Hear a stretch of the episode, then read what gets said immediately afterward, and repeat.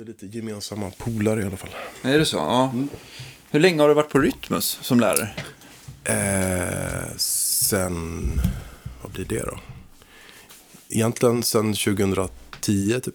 Oj, det är ganska länge ändå. Och så vickade jag massa år. Och Ja. sen så från... Så du har en stor, du har liksom en stort ansvar eh, hur dagens eh, basister låter där ute helt enkelt. Ja, kanske lite... Du, är- du är en bidragande. Lite bidragande orsak. Alla har eh, Fredrik Karnell-touchen Ja, på svänget. jag är i alla fall en av baslärarna. Så att jag, man hoppas ja. att man har lärt någon, något i alla fall. Det är i alla fall några som det, som det blir, blir Ja. folk av. Det är Jag roligt. skojar bara. Jag vet, ni har, det är bara bra lärare hos er, så det, är väl ingen, det är väl ingen risk att det, att det inte skulle slå Nej, ut alltså det, det roliga är ju nu när man möter dem på, ute på gig själv. Ja. Och man kan stötta upp, ja men just fan, Ja. du har ju gått där. Och nu, Ja. nu är vi liksom mer kollegor istället. Ja, jag fattar. bli Är liksom- det någon som du känner dig extra stolt över? Ja, alltså det är klart att det finns. eh, Det är ju liksom, man blir helt enkelt stolt när man träffar dem och man Ja, märker att de, de har gått den vägen de ville och de Ja. lyckades. Liksom. Det är väl då man blir glad, Ja. helt enkelt. Det är grymt. Mm. Eh, Men jag, jag, jag sparkar igång oss på en gång.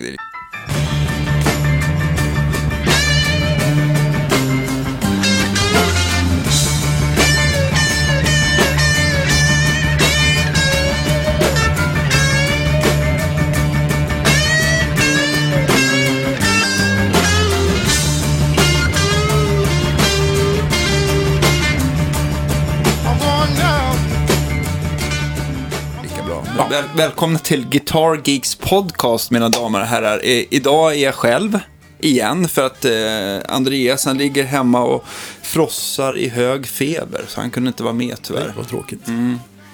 Så att, eh, jag kör själv och eh, dagens gäst är Fredrik Karnell som har varit eh, kund hos mig länge och väl. Jag lärde känna dig redan på deluxe-tiden, tror jag. Ja, Ja. Eh, sen i vilken deal och eh, så, det kommer jag inte ihåg. Men det, ja. någon Det var bas för länge sedan. Ja, det var, eller hur, eller hur. Men eh, jag förstod redan då att du var väldigt intresserad och att du, och du redan då så frilansar du väl. Eh, eh, och, och som du sa innan här att du har liksom jobbat som lärare på Rytmus sedan 2010. Liksom. Ja, Ja, eh, så det känns som att de två har gått parallellt. Ja. eh, Egentligen hela vägen sedan jag gick Musikhögskolan. Just det. Och så att säga, kanske mer lärare nu ändå. Liksom. Men, men att det alltid funnits med som en del av det. Liksom. Okej, jag fattar. Eh, Men hur kom det sig att du började ramla in på bas överhuvudtaget? Eh, ja, då får man nästan backa bandet hela vägen ner till att jag var kanske, vad kan jag ha varit, ja men så här åtta år eller något sånt där. Eh, så ehm, jag kommer ifrån Småland från början, en liten by där. Och då, Vart då någonstans? Småland är ju stort alltså. det heter Högsby. Högsby. Mm. Eh. Jag vet inte direkt var det ligger någonstans. Nej, eh, det ligger, eh, vad ska man säga, utanför, tre mil utanför Oskarshamn. Okej, ja, men då vet jag. Oskarshamn. Eh, Oskarshamn. Det är så himla fin dialekt. Ja, jo, de, det är fint. Eh, och då i alla fall så... ehm, jag, Inte för att jag gjorde den så bra, förlåt. Nej, men det- jag, jag, jag gjorde mitt bästa i alla Det är fall. bättre än vad jag är. Eh, då i alla fall så gick jag hos en eh, dagmamma. Och Okej. eh, jag gick på gitarr på musikskolan då liksom. Mm. Eh, men hennes son eh, spelade bas. Och det, jag minns eh, faktiskt än idag när han kom hem första gången med så här hardcase och ställde in i huset där. Hur Mm. Just coolt jag tyckte att det var. Ja. Eh, så att eh, då blev jag lite mer intresserad av det. Och sen så var det fortfarande så att jag...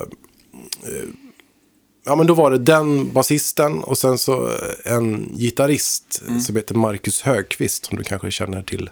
Jag har hört namnet, men är Eh. jag får inte fram något ansikte sådär. Nej, han jobbar på Frysen och eh, är väldigt bra musiker. Eh, han och jag är från samma ställe. Aha, Så okej. att, och han är, eh, var liksom lite så, blev gitarridolen för mig. Och Ja. basisten där, eh, Micke då, han, han blev liksom. Så att jag hade liksom två så här, Förebilder ja liksom. lite så. Så när man hade uppspel liksom i musikskolan så spelade de de kanske lite coolare låtarna och själv så var man med på, ja, Lite Herreys och... ja men lite sådär kompa någon blockflöjts. Eh, ensemble och lite sånt. The Eh, Race kanske är coolt i och för sig. Det var inte meningen att eh, Nej, det att kan vara- trampa i klaveret här. Men Eh. man, det finns ju tuffare låtar i och för sig. Jo, Ja. men eh, i alla fall så på den vägen var det. Så att, och, men sen så landade ändå i att jag gick på gitarr liksom hela vägen upp på gymnasienivå. Så jag gick alla tre år på gymnasiet som gitarrist på pappret i alla fall. Okej, okej. Men där någonstans i årskurs två eller någonting så då, ja, Då, då det föll sig så. Det fanns ingen basist i klassen och så började de fråga mig om jag kunde ta basen liksom. Och Ja. Till slut så tyckte jag att det var liksom roligare. Ja. Sen har jag fortsatt med gitarren också. Vilket vi kanske kommer till sen. Men Ja, ja, den har liksom åkt tillbaka ibland så att man har spelat gitarr i vissa band och sånt där. Inte som frilansgitarrist på Mm. Nej, något sätt. Men, men i olika band har jag ändå eh, haft det kvar. Men vilken musik gillade du då så här på gymnasietiden? Vad, vad var det som gällde? Ja, men då var det var en så här lustig, liksom, det gick ifrån att det startade med liksom, när jag kom in där, då var jag väldigt inne på liksom så här Hellacopters och Backyard Babies och Mm. hela den där alltså, nya vågen av, Och det var väl stort där nere också? Ja, det var jättestort. Mm. Och eh, jag var superfan och liksom, eh, jag köpte alla plattorna och jag höll på att ringa runt till olika skivbutiker för att få tag på de här första LP-singlarna som de släppte och liksom Mm. Allt möjligt. Ehm, och ehm, ja, och, men sen så gradvis då när man gick på gymnasiet så, och det ser jag ju nu på de jag undervisar nu, att det, det, blir, det kan bli en viss så här, ganska stor förändring i liksom, musiksmak under de tre åren. Så sen så eh, kom man väl in mer och mer på liksom... Eh, ja men så här, lite mer kanske jazziga grejer, lite mer eh, funkiga saker och lite sådär. Så att man upptäckte liksom allt möjligt egentligen. Så det, man kanske fick en lite bredare musikpalett. Eh, men, eh, så att det var ja, både liksom rockgrejer men även att studsa in lite på att lära sig lite om så här, hur spelar man walking och hur, hur Ja, gör det. man, eh, vad ska man säga? Ja men så här, kolla in eh, lite. Jag minns att vi hade något så här, något block där vi, vi gav oss på och skulle spela Michel Camilo-låtar. Vilket är lite så här mer latin jazz liksom. Det. Som egentligen var väl kanske lite för svårt. Eh, om man Det ska låter vara rätt avancerat, Det var så. asavancerat och än idag så kan man ju knappt eh, spela de där låtarna. Men, men det, det blev så här en, en sporre i alla fall att ta sig vidare. Mm. Eh, och, eh, men det är ändå, jag kommer ju från liksom, jag är uppväxt med Beatles och Elvis och liknande. Så att det är ju därifrån jag kommer och där har jag rötterna. Och det är liksom någonstans till det som har studsat tillbaka. Där har jag någon slags trygghet liksom. Men så Var det har- liksom din farsa som, eh, eh, som lyssnar mycket på de grejerna eller? Ja, de hade liksom Elvis-plattor som jag letade fram i backen hemma. Liksom. Aha, okej. Mm. Så det var så jag... Så, eh, ja, jag lyssnade, jag tyckte så här Jailhouse Rock och King Creole och så här, det var ju Mm. asballt liksom. Det är asballt. Eh, Och jag tycker det fortfarande. Så, att det, eh, ja. så det är någonstans, jag har en grund och sen är jag liksom via alla olika ja, men så här, utbildningar och grejer eh, breddat liksom musiksmaken kan man säga. Det är faktiskt en låt som jag kan lyssna på otroligt ofta fortfarande. Som var min favoritlåt Ja, då. Det var eh, eh, Rip It Up med eh, Little Richard. ja just det. Otroligt svängigt och bra. bra Ja, det är svinbra. Eh, eh, men kom du ihåg första basen? Vad var det du fick för någonting? Vad kom du över för någonting? Stod du och böna och... Ja, alltså, ja, det, början av B det är lite för så här- föräldrarna, eller? Nej, men det snarare tvärtom. Eh, först hade jag ju massa elgitarrer då, liksom, som, som blev bättre och bättre. Liksom, Mm. sådär. Eh, och sen när det skulle bli första basen, då, då var det att... Eh, det här måste ha varit runt... Kan ha varit 12 eller någon sån där 13. Eh, då hade jag fått en fråga om så här. Jag ville spela gitarr då. Mm. Jag var kvar i den liksom. Men då fick jag en fråga av en snubbe i musikskolan. Så, men du, vi har en, grupp här som saknar basist. Kan inte du spela bas istället? Just det. Och då var ja, trodde jag kan det. Så, ja, men du kan, jo, du kan ju spela gitarr. Du kan ju testa i alla fall. Ehm, du har ju lite koll på liksom så här vad de här grundtonerna sitter. Ehm, just det. så då, då vet jag att jag lånade hem lite olika basar från musikbörsen. Som nu är tillbaka i Norrköping. Ja, Där jag bodde då. okej. Eh, men då fanns de liksom första gången. Eh, så då Jag testade lite olika sådär. Men sen så tänkte jag, eh, hade jag någon så här, en bild av att ja, men det, det får inte bli för dyrt det här. Nej. Så jag hade ändå kollat upp den så att säga, billigaste som var okej i affären. Eh, och det var en så här, Pro Session, hette den. En jazzbaskopia liksom. Okej, okej. Mm. Så det var den första. Har du Eh, kvar den eller? Nej. Nej. Eh, sen så, efter en liten stund när jag hade... Procession. Ja, jag vet inte om du kommer ihåg det. det är Nej, lite så Procession kommer jag inte ihåg. Men jag undrar det kan ju varit någon så här musikbörsens eget. Kanske. Ja. Eh, och sen så efter en stund så, så ehm, efter något år så blev det en sån här Warwick Streamer. Som var väldigt hippt på den tiden. Mm. Ja. När vi pratar 90-tal. Inte, inte riktigt lika mycket Helicopters. Nej, nej, nej, absolut inte. För då hade jag liksom kommit in i den här, så här börjat gå i plugget och Ja, upptäcka lite annat. Lite mer funkigt och lite mer walking och ja. Ja, Men, eh, men de hade väl... Eh, var det en sån variant som hade genomgående skruvad hals? Kommer du ihåg det? De hade ju alltid guldbandstavar och det var mycket laminerade halsar och sådär av olika exotiska träslag. ja, ja, men det här var väl skruvat. Tror jag. Ja, aktiv, eh, aktiva mickar och elektronik. Ja, just den här var faktiskt passiv. Ja, Ehm, så det var väl, jag tror att det var en streamer standard kanske. just det. Och ehm, det finns väl de här Stage 1 och 2 och sånt där. Just det. Ja, men, eh, lite dyrare, De liksom. kan ju dyka upp, de här thumb-basarna. Vad heter de mer? De har ju flera kända modeller. Ja, det står lite stilla just nu, men, men ja. Jag fattar, det är ju liksom en liten skola för sig, de, de Ja. den, Och den, på den tiden så var det liksom så här. det nya. Ja, och det ja. Det är ju fint hantverk och sådär. Men kanske ingen bas som jag skulle nyttja idag så, Nej. på något sätt. Liksom. Ja, Jag ser ju dig som en, som en, så här, en klassisk Fender P-basmänniska. Ja, Ja. och det är där jag landade till slut. ja. Eh, Det var bara att jag förstod inte det från början. Utan jag Nej, tänkte oh, ja, att, nej. ja. Så den där basen följde med några år och sen så... ehm, första gången som jag liksom sökte in på bas någonstans, alltså från start. Okej.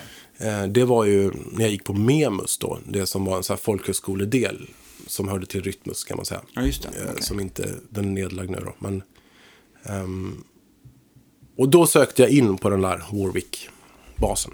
Vem, vem hade du som... Och då fick jag träffa Mackan Englund. Ah, Så jag, han är ju en väldigt trevlig han har ju prick. varit på Rytmus i alla år och precis eh, slutat nu då. Så jag, när vi snackade då när han skulle, han blev lite avtackad Ja. sådär. Så sa fan då har vi känt varandra i 20 år. Tänk det, det är ganska länge liksom. Ja. Eh, så det var ju... Först då gick jag ju liksom och hade han som lärare. Och sen så efter några år när jag liksom... Så var han, eh, så du lärare till honom. Ja, det, nej. Eh, men det var i alla fall han som liksom var lite... Blev vägen in på Rytmus sen fattar. när jag väl hade utbildat mig till lärare. Så. Vad var det bästa du fick lära dig? Är det något citat eller någon, eh, någon eh, poäng eller vad som helst som, som, som du har fortfarande med dig från Mackan Englund? Sådär. Denna legend. legend. Och lyssna på det avsnittet, det är faktiskt Ja, det, väldigt, det var väldigt- ruskigt väldigt bra. Han är en väldigt fin människa och mycket Ja. att berätta. Eh, jag skulle säga att han har eh, lärt mig att behålla lugn, tror jag. Mm. I vad du än gör, försök att ta det lugnt. Man hinner fram, liksom. Är, Han har ju den personligheten. Ja, han är så jäkla soft och härlig på något sätt. Ja, Ja. helt underbar. Eh, så det har jag Men lärt inte mig. slapp. Nej, nej, nej, Nej. Alltid koll på läget och liksom inte så, utan bara... Han är bara så här laid back och, Ja, och, och, och liksom... Man håller sig lite, vad ska man säga? I bakgrunden. Han har liksom, ja men så här, vi ska ju kompa oss igenom livet. Det är ju det som är den primära grejen liksom på någon vänster. Ehm, och försöka liksom, ja men bilda fundamentet, håll uppe det och liksom vara, det är väl det jag har lärt mig. Och sen så, ehm, ja men så här, kom, kom förberedd och gör jobbet ungefär. Alltså, se till att du, du kan dina grejer. Ja, just det. Och liksom vara var ödmjuk liksom, i alla situationer. Alltså en massa sån där... Jag kan, jag kan inte säga något, så här, någon konkret mening, men, men det är liksom det om jag skulle... Eh, som en överblick över honom sådär, som vad jag har fått med mig så är det väl det. Att man liksom, ja, ta det lugnt. Ja. Det kommer lösa sig. Så länge du har liksom koll, koll på dina grejer. Du. Eh, men har du alltid varit en bra eh, basist som också läser väldigt bra? Eller vill du känna att du liksom kan grejerna innan och är väldigt förberedd så? Jag skulle säga att jag är okej på att läsa. Ja, Eh, och ehm, man kan, ja, det finns några stycken så här som har blivit lite som mina mentorer. Och det är ju Mackan och så är det en kille som jag har vickat väldigt mycket för genom åren är ju Limpan. Alltså Mats Limpan Lindberg. Eh, och jag hade han när jag gick på RML, rockmusikerlinjen, på Frysen.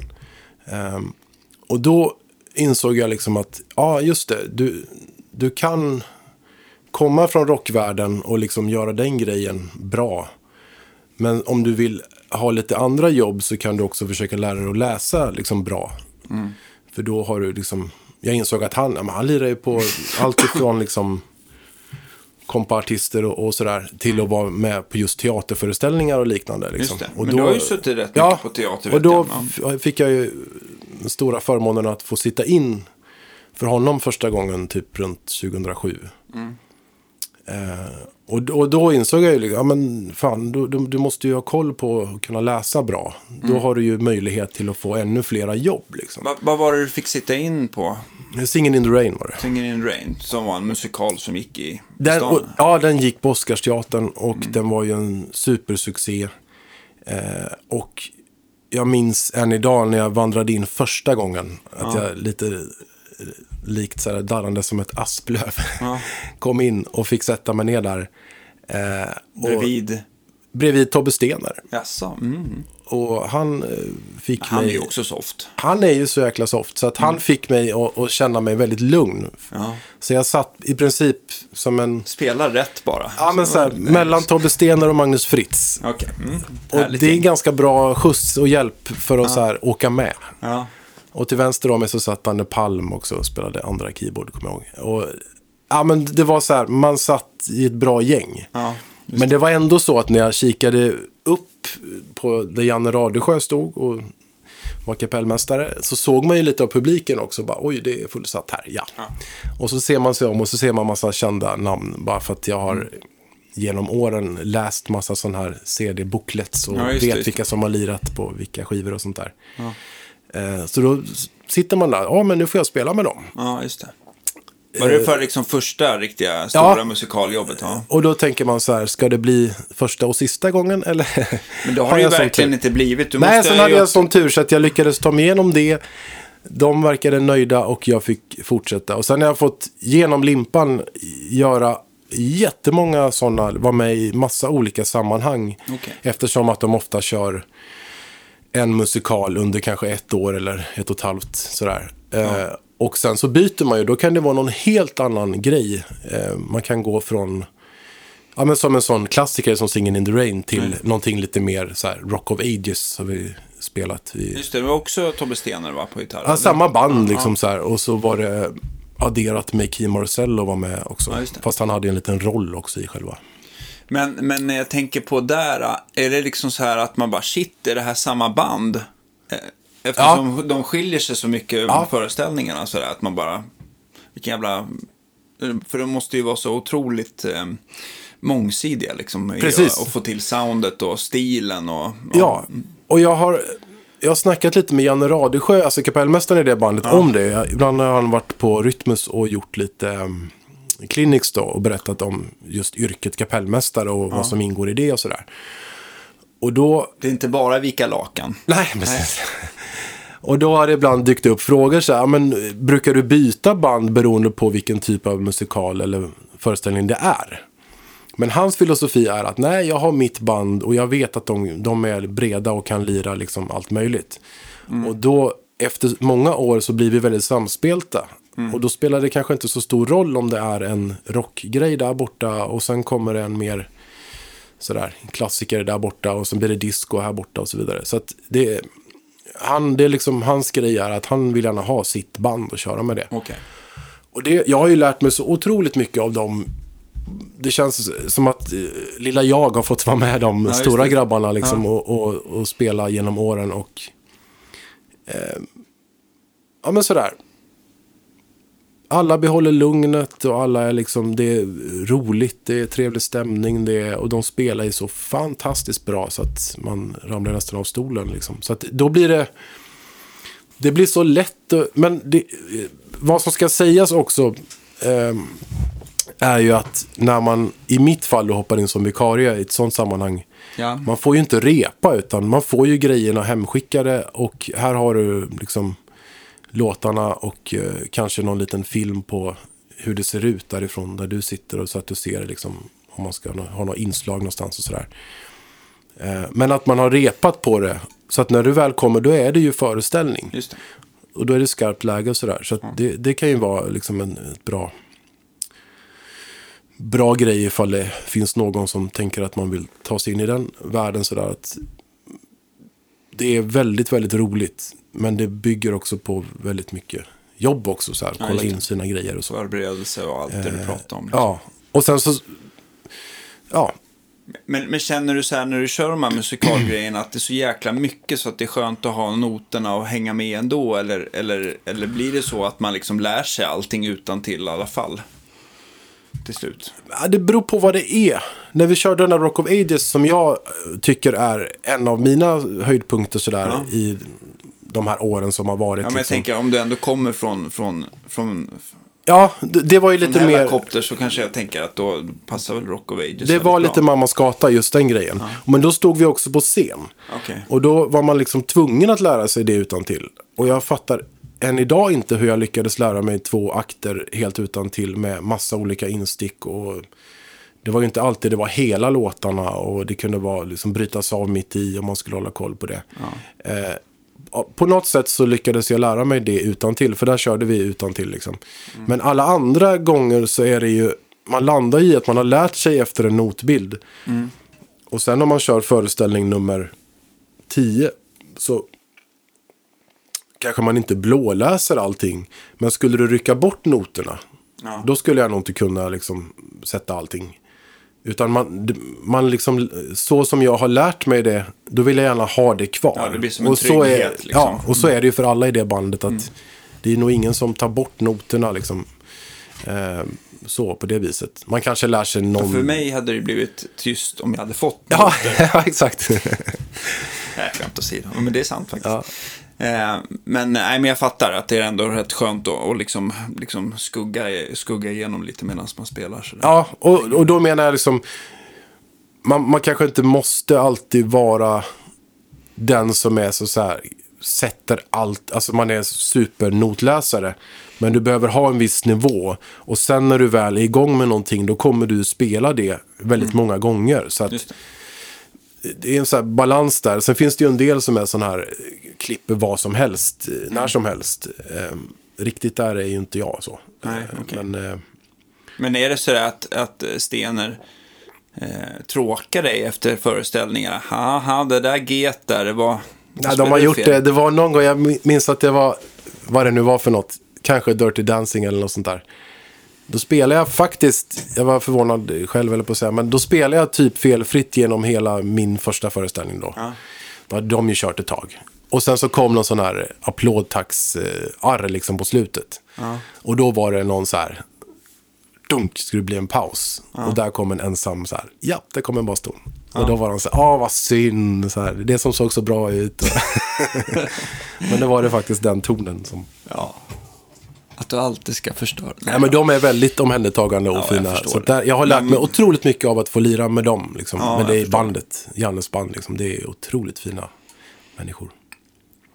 Men om vi backar tillbaka, du gick Memus, eh, hur lång var den utbildningen? Då var det ett år. Okej, och vad, vad hände efter det? Var det RML då, eller? Nej, då kom Lunnvad emellan faktiskt. Men jag känner så här, allt det här detta du har läst, Ja. ja, alltså man känner ju så här, för att jag tycker det, folk när de pratar om sina utbildningar och skolor så, så känns det så här, man, man fattar ju liksom att gymnasiet, det, man måste ju börja någonstans. Och man kanske kan sluta på musikhögskolan.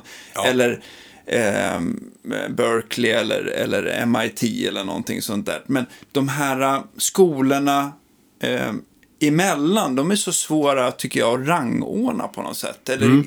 ska man inte det? Utan de är bara olika inriktningar. Eller, eller... Så här kan man säga, det finns ett gäng olika i Sverige. Det här har ju utvecklats genom åren. Så att när jag gick, Ja. då fanns det, vad jag kan komma ihåg, egentligen bara två skolor om man inte var så inriktad på jazzbiten. Okej. Och det var RML Ja. och det var Memus Okej. vid den tidpunkten. Sen vet jag att det har tillkommit att nu när liksom mina elever ska söka sig vidare så vet jag att vissa andra som tidigare bara har varit sådär funnits jazzinriktningen på, Mm. de har även slagit upp en sån lite mer rock-pop-utbildning. Okej. Så att idag finns det nog lite större chanser att liksom, om man mer diggar den prylen så, så kan Ja, man söka sig musiken, dit också. musiken liksom. på radion ser ju lite annorlunda Den ut. gör ju det faktiskt. Eh, men då kan man väl säga så här att om Memus var den här lite mer rock-pop-skolan då, så kanske Lunnevad, eller den är mer jazzinriktad. Det är en jazz-folkhögskola helt enkelt. Okej. Och den ligger väl tillsammans med då de här, ja, Skurup, Fridhem och vad det kan vara. Sådär. Ett gäng sådana skolor som finns. Eh, och då gick jag där och eh, liksom utvecklade, försökte bredda mig liksom rent musikaliskt. Eh, och sen efter den så kom jag tillbaks till RML. Och det var väl också en del av frysen, eller? Ja, Ja. det är ju Birkagårdens folkhögskola som det tillhör. Fast de höll på den tiden till på Frysan. Eh, idag så håller de till i stan istället och de har flyttat själva den. Ja, nu är jag med. ja men det Ja. låter bekant. Men jag får mig att det verkligen låg på frysen när jag, senast jag ehm, Ja, det låg på där ja, jättelänge helt enkelt. Ehm, och då egentligen så, det här är i mitt liv en liten sån här, eh, vad ska man säga, en rolig grej i form av att det började som en tråkig grej. För då hade jag sökt till Musikhögskolan efter Lunnevad. Och så kom jag inte in. Nej. Och var så här, då hade jag sökt RML liksom för att jag, jag ville plugga där någon gång. Men jag hade inte tänkt att det skulle bli då. Nej. Men jag hade Du var sånt... inte redo för rock? Nej, eller ja, det kanske, ja, eller jag, jag var nog inne i någon så här, som man säger, jazzhjul ett tag där på Ja. något sätt. Men i alla fall så kom jag in på RML, Ja. vilket gjorde mig väldigt glad. Eh, och då fick jag träffa Limpan då första gången. Ja. Han jobbar ju där fortfarande idag. Och ehm, det, om möjligt det bästa året utbildningswise för mig. Eh, Ja, det var rätt ålder, jag var typ 22-23 någonting. Och det var, på den tiden så var det bara en klass, så vi var 20 pers som gick liksom en musikerutbildning. Eh, Så att det var så otroligt mycket tid för rep. Och det fanns liksom, det var jättebra så här, teoriundervisning och det var mycket sådär det jag uppskattar med den utbildningen, det var liksom att, och det försöker jag ta med mig till mina elever idag också, väldigt mycket av det, att så här branschnära, liksom att de som jobbar där, de är ute och lirar. De kan liksom berätta vad, om du ska göra den här grejen, då är det de här sakerna kan du behöva känna till. Sen, och det är här och nu. Sen om du liksom får upp massa massa andra sådär intressen för det här så, så kan vi eh, fördjupa oss i det Ja, det. också. Men just här och nu så skulle du behöva, om, man, om jag kunde komma med en fråga då, ja men du jag ska göra sånt här gig. Har du något tips på vad man kan tänka på? För den här stilen har inte jag lirat jättemycket av. Ja men här har jag några tips och tricks. Mm.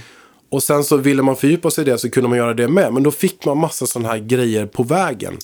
För att då kunna bli någon slags, jobba som musiker helt enkelt. Då. Så det var, ja, det var nog det bästa året utbildningsmässigt liksom, för mig. Hade du kvar din Warwick-bas då? Eller Nej. Hade du... Det hade jag inte. Då spelade jag på en Fender P-bas. Okej.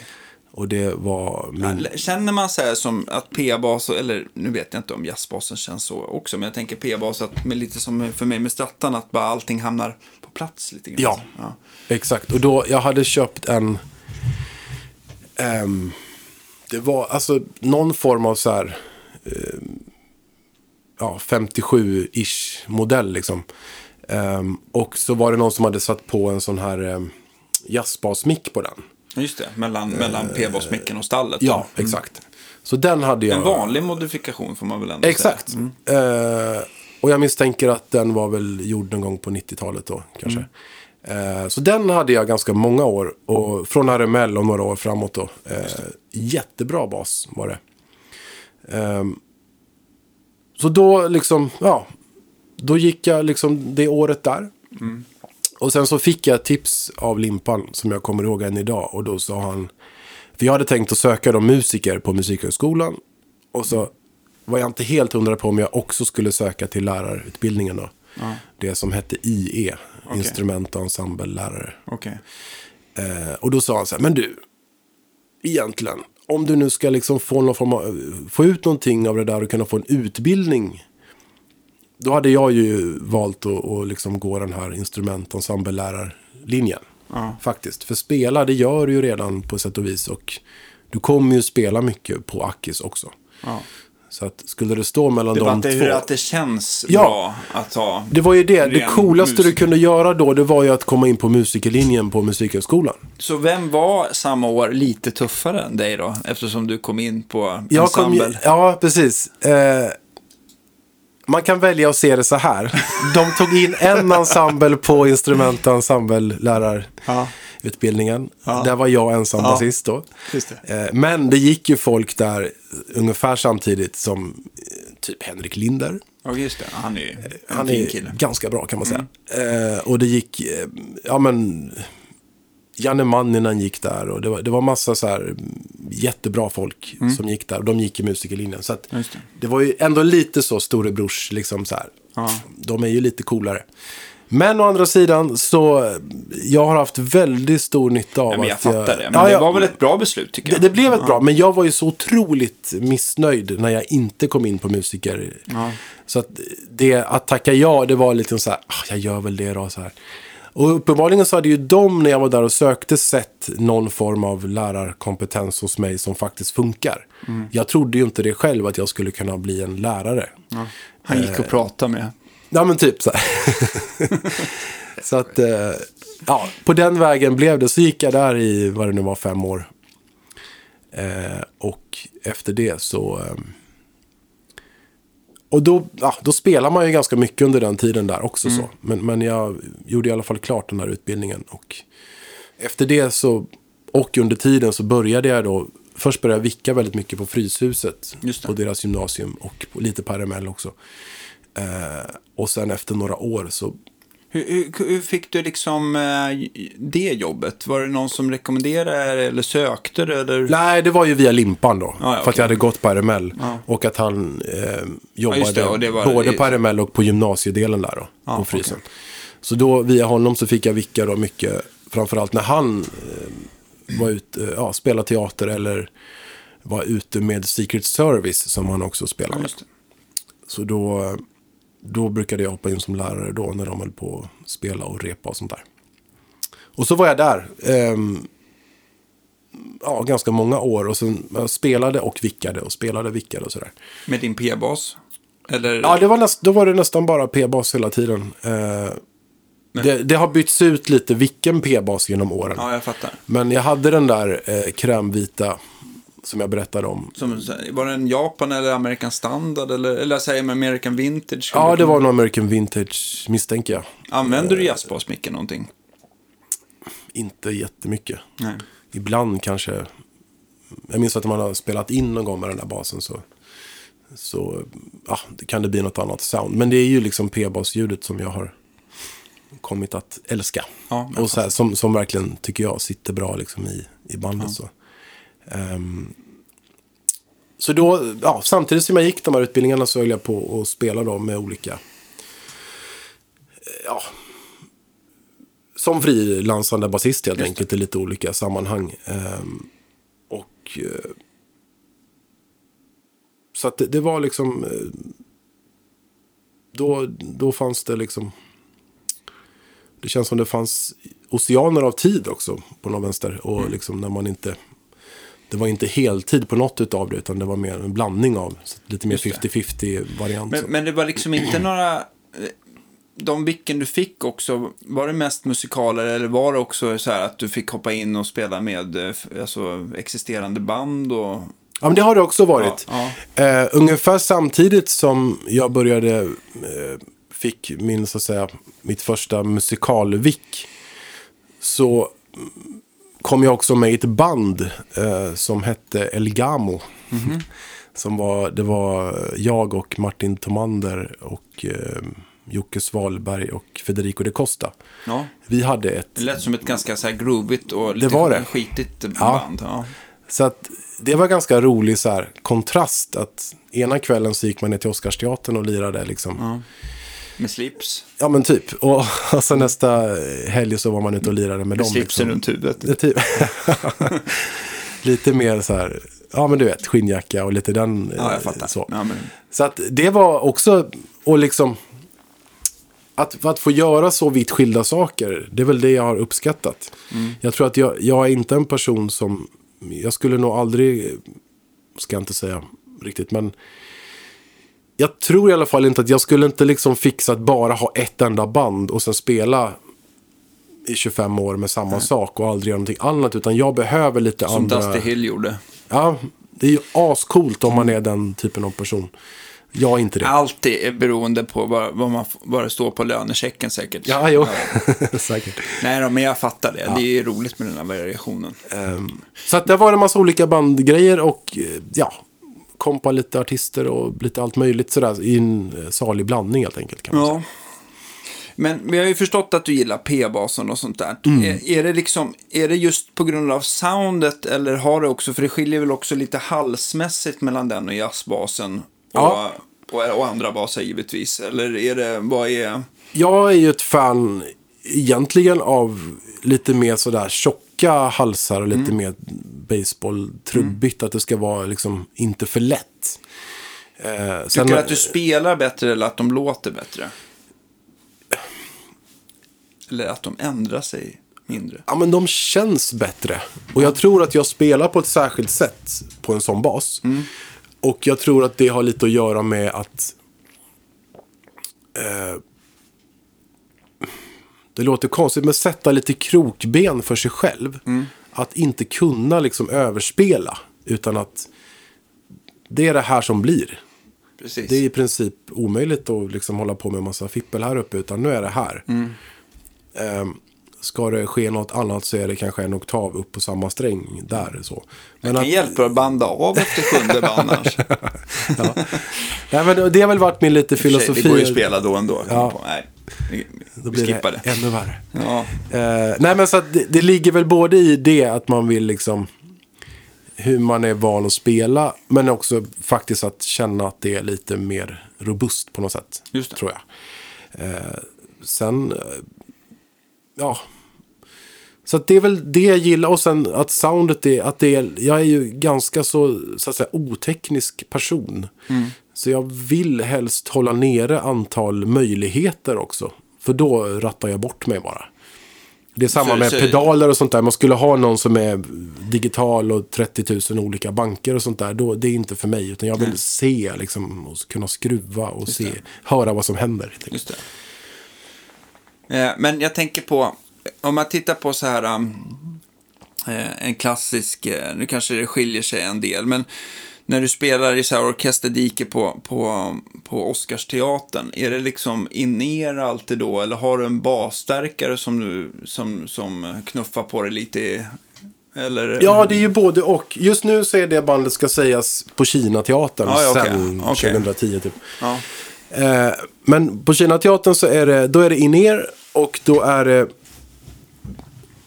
i och med att jag då, de, ja, det jag kan prata om är ju de vicken jag har gjort för Limpan då. Så Ja, det, då är det ju ofta vad han har plockat med sig för stärkare. Så det kan sitta någon liten topp.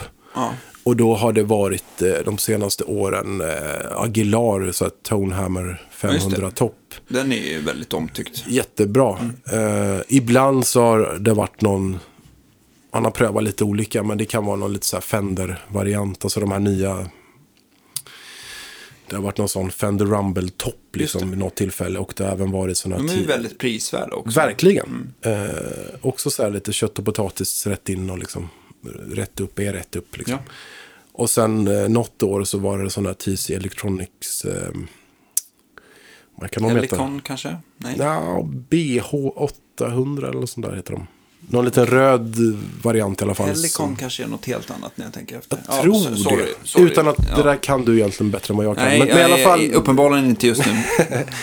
men i alla fall så att det är liksom, men ofta den där Aguilaren brukar dyka upp som, Mm. som en slags eh, stärkare. Men sen är det in er och sen är det ju eh, ja, via pedalbord och liksom eh, olika, om det nu behövs någon effekt eller inte och sådär. om, du, om du själv fick välja, vad skulle du då tagit med dig till det där gigget? Förstärkare? Ja, men det är nog något sånt. Och det har eh, att göra med dels att de funkar bra och är lätta att göra med. och Sådär. Men sen att det ofta är ganska trångt när man sitter på sånt där ställe. Det finns liksom inte riktigt plats att ställa upp en liten kombo, eller om man nu skulle önska det istället. Liksom. Utan det, det blir ofta att man får försöka hålla det till att... Ja, om jag skulle sitta här och försöka beskriva så är det liksom... Man har en liten sån här aviom-mixer här för att styra själva ner sin egen Åh, vad mix. skönt ja, det är ju skönt att du kan. För det blir lite rörigt som, kan jag tänka mig, som, eh, som någon slags eh, monitormixare för ett så stort band. Också. Ja, så det är jättebra att alla kan styra själva.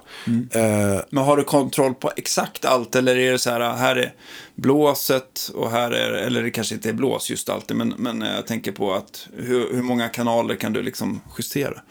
ja, vad kan det vara? Jag tror att det brukar landa på en ja, men 10-12 olika beroende Ja, ja, på vad okej. det är. för Så här. Men, men det man vill ha liksom är ju... Man vill ju ha själva bandet liksom Mm. så. Eh, men sen kan det ju ibland vara så att man vill ha liksom mer eller mindre liksom dialog eller just den där körgrejen eller den leadsången eller vad det nu är. Alltså på, det kan ju vara på olika typer av låtar och sådär. Jag bara gissa att den här dialogen den blir lägre och lägre lite för varje föreställning. Det har det nog rätt i, ja. ja, ja. För det, det, det kan ju också bli så här... Ja, det, det blir liksom... Det finns ju också ett system internt i bandet då där man har en liten sån här knapp på golvet som man kan trycka på där man har en talkback-mick bara till bandet och sånt. Så ibland så behöver man ju kanske, eller att Janne behöver säga någonting. Och det är kanske inte alla skådespelare och eh, så vidare bakom scen vill höra. Fräckisar. Eh, ja, kan det vara. Eller tvärtom, liksom, att man, man vill inte ha för mycket slask som stör när man sitter och lyssnar på. Ja, men nu ska jag snart in här och så börjar någon småprata. Liksom. Nej, jag fattar. Ja. Så det, det är ju skönt att det är så. Eh, men sen är det i princip att det är, i alla fall där jag satt senast förra gången, så var det liksom som en vägg där och en vägg där. Okej, så du är liksom inne i ett hörn lite grann? Ja, man sitter som det, de sitter inte i dike där längre, utan man sitter liksom längs väggarna så är det små bås kan man säga. Så det är fyra bås liksom. Eh, och då sitter den där toppen liksom så på väggen helt enkelt. Okej, men då har du liksom lite, fördelen kan jag tänka mig att man har lite eh, överblick också av vad som händer på scen. På Ja, på det viset är det ju liksom roligare. För när jag började, om man satt under scenen så det, det blir en liten distans då till, man hör ju vad som händer men du får ju aldrig se föreställningen. Liksom. Nej, nu får man ju, om man sneglar lite så kan man ju faktiskt se det där coola dansnumret eller vad det Ja, är som är spektakulärt. Liksom. Eh, så det är ju roligt. Fast man är ändå inne i sin bubbla skulle jag säga. Så Mm. att om man sitter ju, ja, beroende på vilken föreställning det är. Men just nu så satt jag då mitt emot kapellmästaren. Så att man, det är ju mer att man har kontakten där och ska liksom spela föreställningen rätt. Så att, eh, jag vet att någon, något år så var det någon som frågade sådär, frågade om någon scen och så. Och bara, men hur, hur gör de där egentligen? Hur ser det ut? Så här, ja, jag vet inte. För att jag, man har suttit där och eh, liksom haft näsan i, i noterna liksom, Ja, och lyssnat och liksom spelat. Där pågår det någonting som man kanske inte har så bra koll på Nej, faktiskt. precis. Förrän du själv får gå och sen kanske se föreställningen. Jaha, okej. Men det har du säkert gjort också. Det brukar jag göra en gång innan jag ska hoppa in. Ja, okej. Det är för att få en överblick. Eh, så att, och det är en väldigt bra grej. Men det gör man ju en gång och sen ska man ändå repa in allting och sen kommer man ha spelat x antal föreställningar och då har man nästan glömt bort hur, hur, liksom, hur det faktiskt ser ut rent visuellt om man skulle vara publik och se det så här. Så att, Det, det är liksom, den, den biten missar man ju lite så. Är, är Stener en sån som sätter vick eller är, är en sån som ald, han sitter alltid där bredvid dig? Han sätter vick.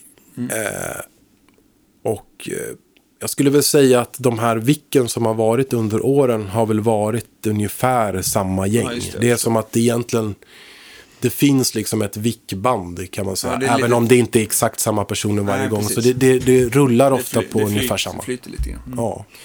Men eh, vad är det du måste ha med dig basmässigt? Klarar du på en bas en kväll eller vill du alltid ha någon reserv eller måste det vara femsträngat eller hur tänker du?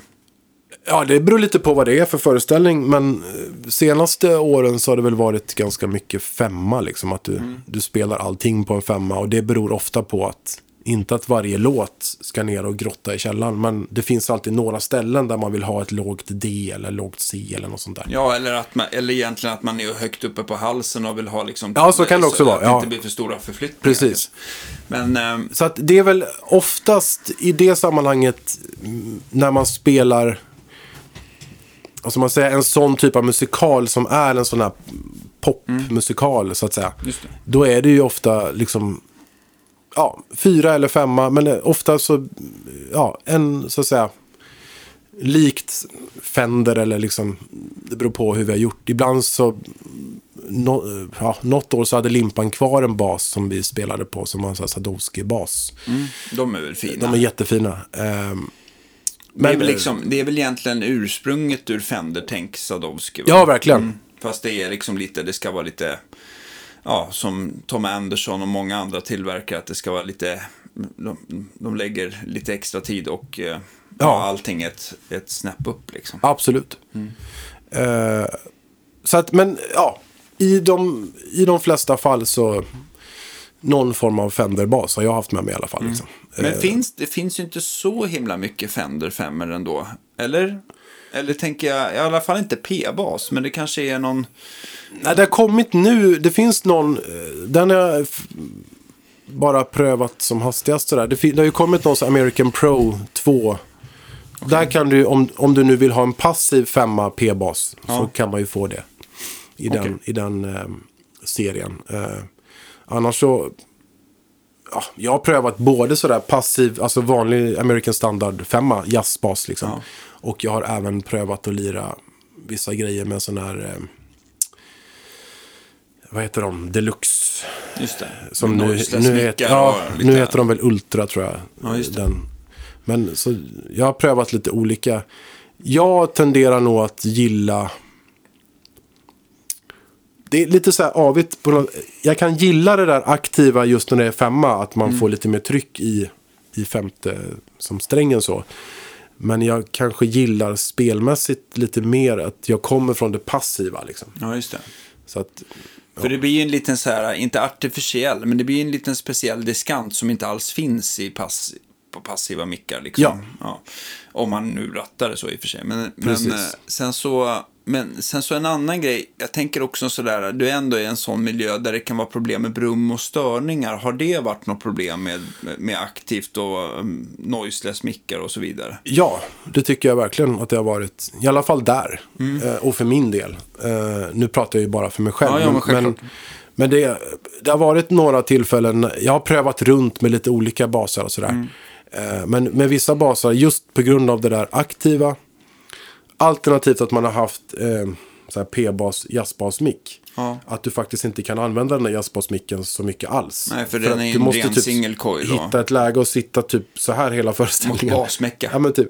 Och det, det blir ju liksom hopplöst när Mm. du ska hålla på och vända blad och liksom ner och trycka på någonting och dung, dung, dung. Så det måste, så att det beror säkert på liksom vilken lokal och vad det är för ljus och hit och dit. Men, men, men ehm, Men på Kina är det ett problem med, med, med jazzbasmickar i alla fall. ja, och då det som jag har upplevt som det bästa man kan göra där.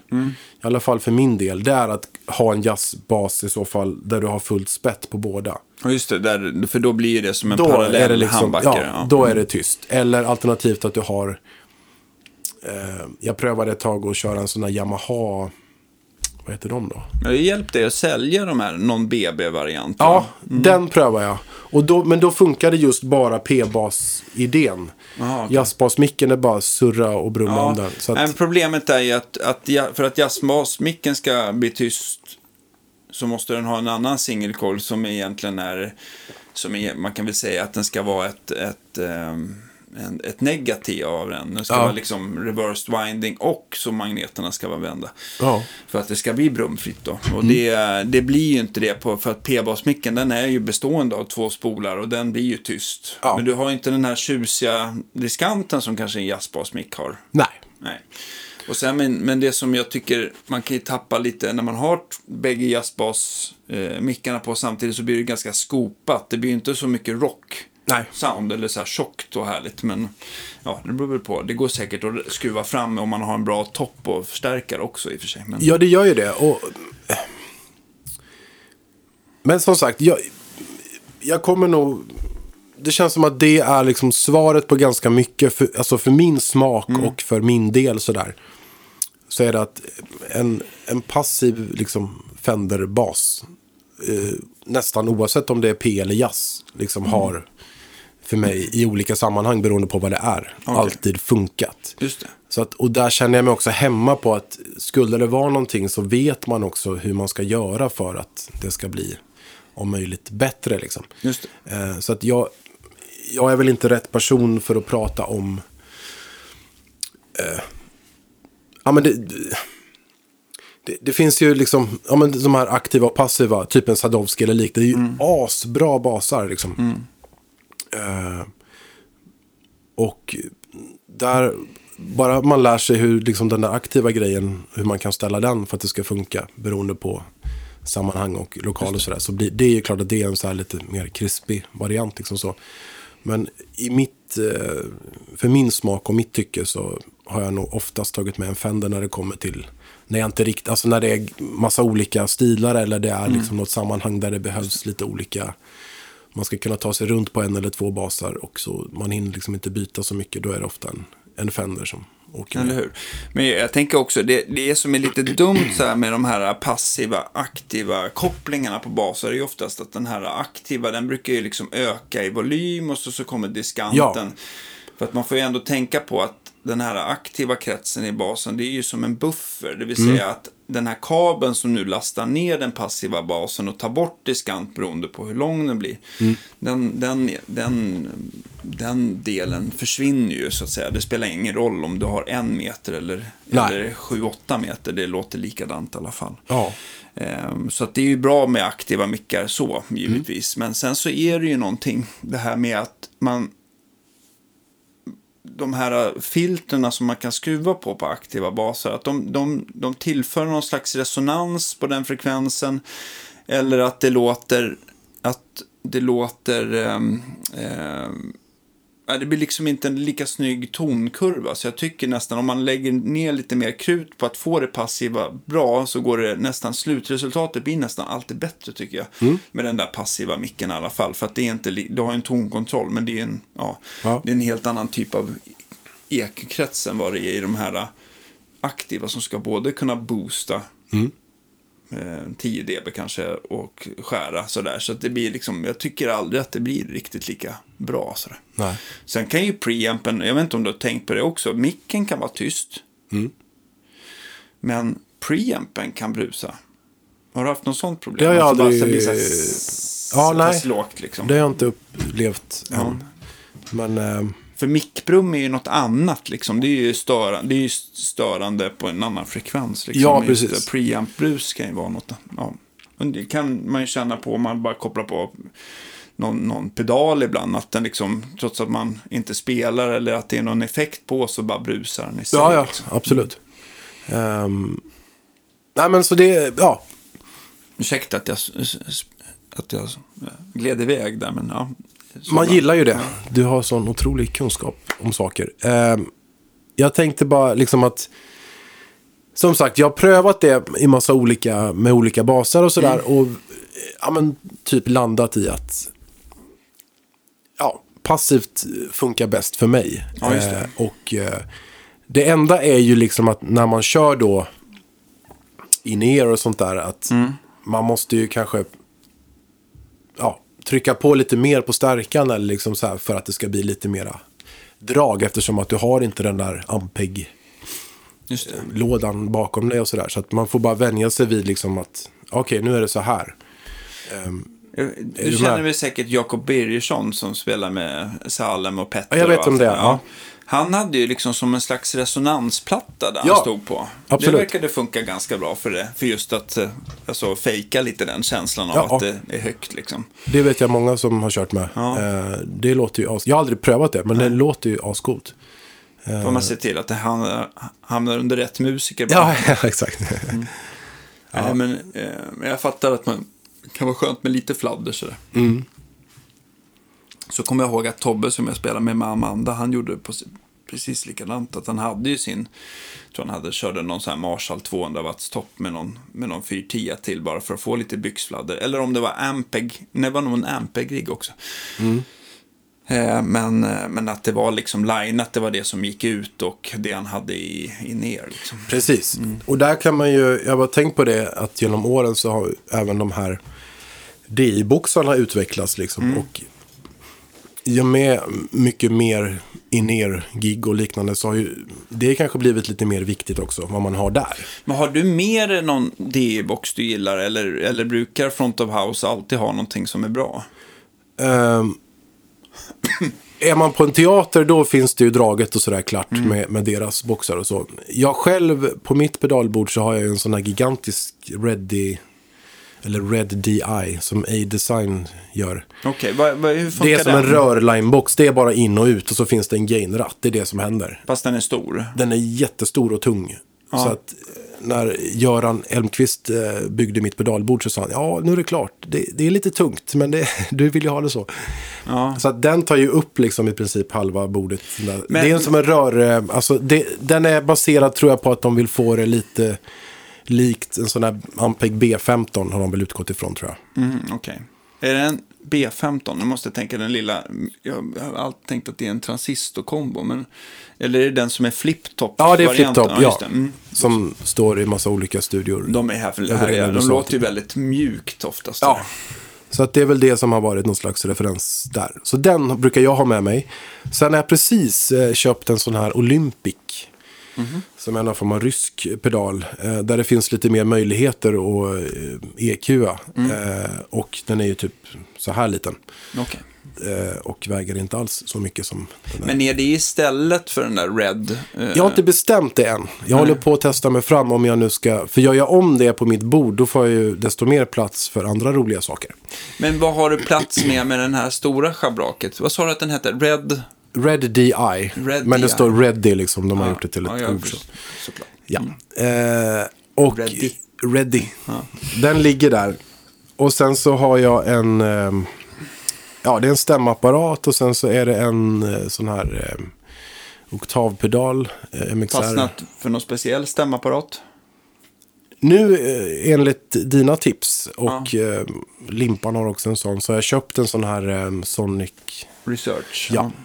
Jag tycker att den är, den, när man lär sig den så blir det väldigt Ja, enkelt. jag håller på att lära mig den eh, nu. Eller ja, det är bara... Det är ju en stämapparat liksom så. Men, men jag, den tycker jag, den, det, jag har alltid kört med så här Boss, eh, sån här TU3 och, och så vidare. Och eh, det har ju funkat bra så. Men när man börjar, om man nördar in lite på det så är det ju faktiskt den där Sonic-pedalen känns ju mer snabb och den känns mer eh, precis liksom. Ja, men jag kommer inte ihåg om, om det är... Alltså en vanlig bossapparat, nu, jag, jag kan inte säga exakt om det men jag har för mig att siffrorna är så här, att en bossstämmare, den har ju liksom, den är känslig på 0,1 cent. Ja. Den här Sonic Researchen, den är känslig på 0,02 cent. Ja, just det. Och den snurrar ju liksom antingen med sos om det är för högt, Mm. snabbare och snabbare, eller långsammare om du börjar närma dig där du ska vara. Ja. Och sen så blir det ju liksom motsos då om det är för lågt. Så att det gäller, den, man kan uppleva den sådär att den kan vara lite ner, nervig liksom. Mm. Men när man väl liksom har förstått lite så här... Mm.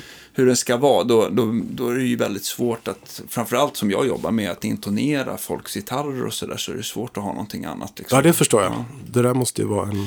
Men, men på scen kan det ju vara lite andra problem. Liksom man kommer ut i solljus eller det är starka Mm. strålkastare och sen så vissa så här stämapparater bara, vad fan. Ja, jag ser men- inte någonting var jag är någonstans. Där, Mm. om inte jag har läst helt fel, för jag, de hade inte den där stora. Nej, Men jag har köpt den här minivarianten. ja, det var tur det. Och enligt vad jag förstår det som så har de uppdaterat den så att det ska bli lättare att kunna se. Ja, men den har en starkare display. För Jag det, det. Du Ja. öppnade jag lite grann på den gamla. Den- har jag ju. Den är ju precis lika bra att stämma med. Men, Ja, men eh, på mitt bord så har jag faktiskt ingen av dem. Eh, av den anledningen att jag inte har någon DI. Alltså jag har inte någon Nej, eh, sån... Något som buffrar. Så att jag har, jag har kört... One Control har ju ett samarbete med Korg. Så de har tagit en sån här liten korgstämmare som lyser ganska tydligt. Och Mm. den funkar ju tillräckligt bra för att spela live tycker jag. ja. Eh, men den har en inbyggd sån här Björn Juhl One Control buffer. Som, är det. som jag tycker nog är den mest musikaliska Ja. buffern. Så. För ja, den lägger inte till så här. Det blir inte någon så här artificiell och spret eller spetsig diskant. Och den, inte, ja, den låter inte som en, en gammal vit Boss-tuner heller. Va? Som, Nej. som, som skalar. Boss-tunen den har ju säkert lite internt brus. Och därför har de valt att skala bort lite på brandbädden. Både neråt och uppåt. Då. Så att det, det låter ju bra i de flesta sammanhang. Men när man jämför så blir det inte så kul. Nej. Nej. Eh, vad har du mer efter... efter Ja, det är en oktavpedal från MXR. Eh, Deluxe heter den tror jag. Eh, En sån här blå variant. Eh, tyck- Den har ju flera rattar va? Är det inte typ ja, tre. Nej, jag tror tre kanske? tre och sen en sån här mid-knapp på den. Ja, okej. Och det, jag ville ha någon form av oktavpedal. För att ibland behöver man ju ha det. Ehm, och då så kikade jag på, jag tycker han är duktig på att liksom, um, ska man säga, har liksom bra smak för pedaler. Han som spelar med Snarky Puppy heter de va? va? Nu minns jag inte vad han heter bara för det. Men Nej, det bra, jättebra basist. Då var det någon så här video på YouTube där han snackar lite om sitt pedalbord. Och sen så eh, spelar han lite på just den där oktavpedalen. Och jag tyckte att den verkade trigga så bra och var liksom, så att då gick jag och testade en sån. Ehm, och den, eh, jäklar vad bra den är, tycker jag. Och det, MXR börjar, brukar inte vara så här butikdyrt heller, utan det är ganska Nej, nej, utan... överkomligt. Ja, ja, absolut. Så det är den. Och sen så har jag en sån här VT-base för lite sådär. Listade grejer. Ja, eller liksom lite, lite skitigt kan man, lite overdrive, inte rådist så beroende, alltså det kan ju vara ibland också, men Går den under Tech 21 eller Sansamp? Det kommer jag inte ihåg, men det är väl, det är väl typ samma företag ändå i och för sig. Men... det är någonting sånt. Och sen har jag längst ut en Sans Amp, alltså en sån eh, svart och gul.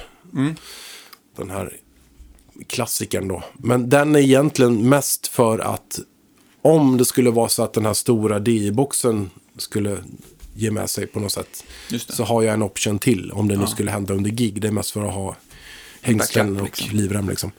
Eh, så att det är det och sen så går det egentligen från VT-basen in i den där stora rör-lineboxen. Okej. Så det, ja, sen har jag lite plats kvar i mitten. Så att jag, jag har eh, på några inspelningar ibland som en effekt så eh, lärde jag mig via eh, Thomas Skogsberg. Den här eh, Sunlight-Thomas, Ja, just det. Ja, just det. dödsmetallkillen där. Att, Han, hade väl, han hade väl sina egna idéer om, man- med, med bravur menar Ja, jag. ja. Och han sa till mig, vi, ja, vi hade ett band ett tag och vi hade han som producent. Ja. Och vi spelade in, eh, jag var med på i alla fall två plattor där. Eh, och Vilket band var det? Det heter Jesus Chrysler Supercar. Och Det var jag med och bildade.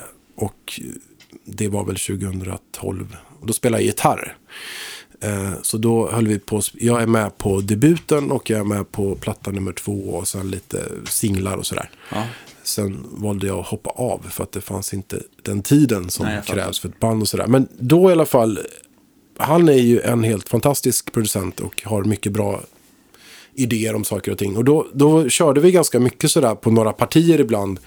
och överstyra Chorus sån här CE2-pedal exempelvis. Eller använda liksom tremolo på basen och allt möjligt sådär. Även på gitarr och liksom få det. olika så. Så jag skulle vilja få in den här CE2 på något sätt. Så det är nästa projekt. Och eventuellt då kanske byta ut så att den där DI-boxen blir den här Olympic-varianten istället. Då, det. kanske. Vi får se.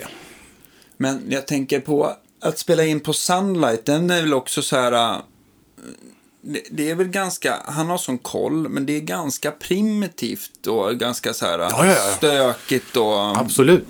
Det- vad, och det- var vad är det... Kan du bara berätta lite kort om hur det var att spela in där? För det har vi inte, har- inte någon återberättat riktigt. Vad är det man kommer till? Är det liksom ett skjul mitt ute i skogen eller är det liksom Ja. toppvåningen på Östermalm? Nej, eller vad där, det där är vi inte. Egentligen den där klassiska grejen med en Tomb och allt det där. Ja. Och Dismember och det. Det var ju inspelat, då låg ju studion, tror jag, någonstans vid Stadshagen. Mm. Eh, har jag för mig att det var. Så det är egentligen den klassiska Marken, lokalen. Och ja. där var jag ju aldrig, för då var jag lite för ung. Eh, men vi, när vi bildade det bandet, det bildades på grund av att jag och en, en gammal barndomsvän hade snackat om att någon gång så ska vi ha ett sånt där band. För vi har alltid gillat så här en Tombs, lite 90-tals senare delen av det. Den prylen Tänker med... man så här, då tänker jag på typ så här uh, Wolverine Blues och Ja, sånt där. den eran liksom och framåt sådär. Några år. Eh, så det, vi ville ha ett Det sånt kanske är det band. bästa de har spelat in. Ja, jag tycker det. Damn, damn deal done. Ja, va? den är med på To Ride-skivan som kom efter Wolverine Jaha, Blues. okej, okej. Men, Ja, den, de det- två skivorna är liksom, de, är nog håller jag högt. fav- Favorit. Det kanske är bland det bästa i sin genre Ja, någonsin det, inspelat. det är det nog ta med tusan. Så att vi försökte ju, och vi vågade ju knappt, så här, ska vi våga mejla den här Thomas och se om han skulle vilja Han bara, spela jag in? måste ha in stålar, absolut. Ja, men och, och, och först tänkte jag så här, han kommer ju dissa det här så det bara sjunger om det liksom. Men vi spelade in en demo med två låtar i alla fall. Och så skickade vi det. Och så mejlade jag liksom och skrev några rader sådär. Och jag tänkte, han kommer inte svara, det kommer ju dröja veckor. Han har säkert fullt upp liksom med en massa annat sådär. Och så fick jag svar samma kväll. Så, Åh, fan vad bra det här låter. Det här var ju riktigt, det var ju min påse. Det här funkar ju skitbra. liksom. Kom hit så kan vi snacka lite.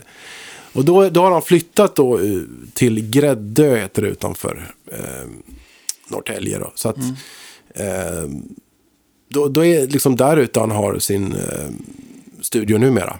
Eh, och då, eh, det är ju liksom, han har ju tagit med sig alla saker och det är ju det bordet och sådär, mixerbordet som han, han har flyttat allting dit. Så att eh, det är liksom inte jättestort, men, men det finns, och det är heller inte sådär, det är ju liksom inte high tech, liksom.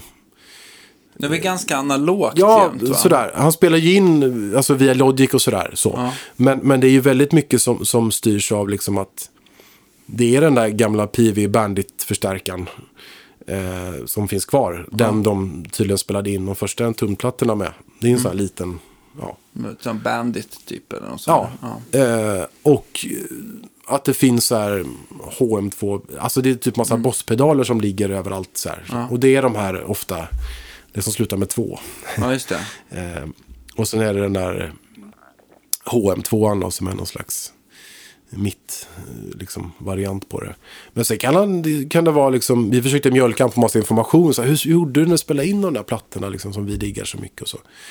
Och då var ju det rullband liksom och så. Och det ska han väl...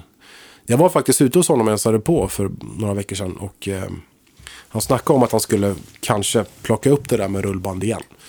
Så det, då sa jag, då måste jag få komma hit och spela in någonting. Eh, men i alla fall, då, det är liksom...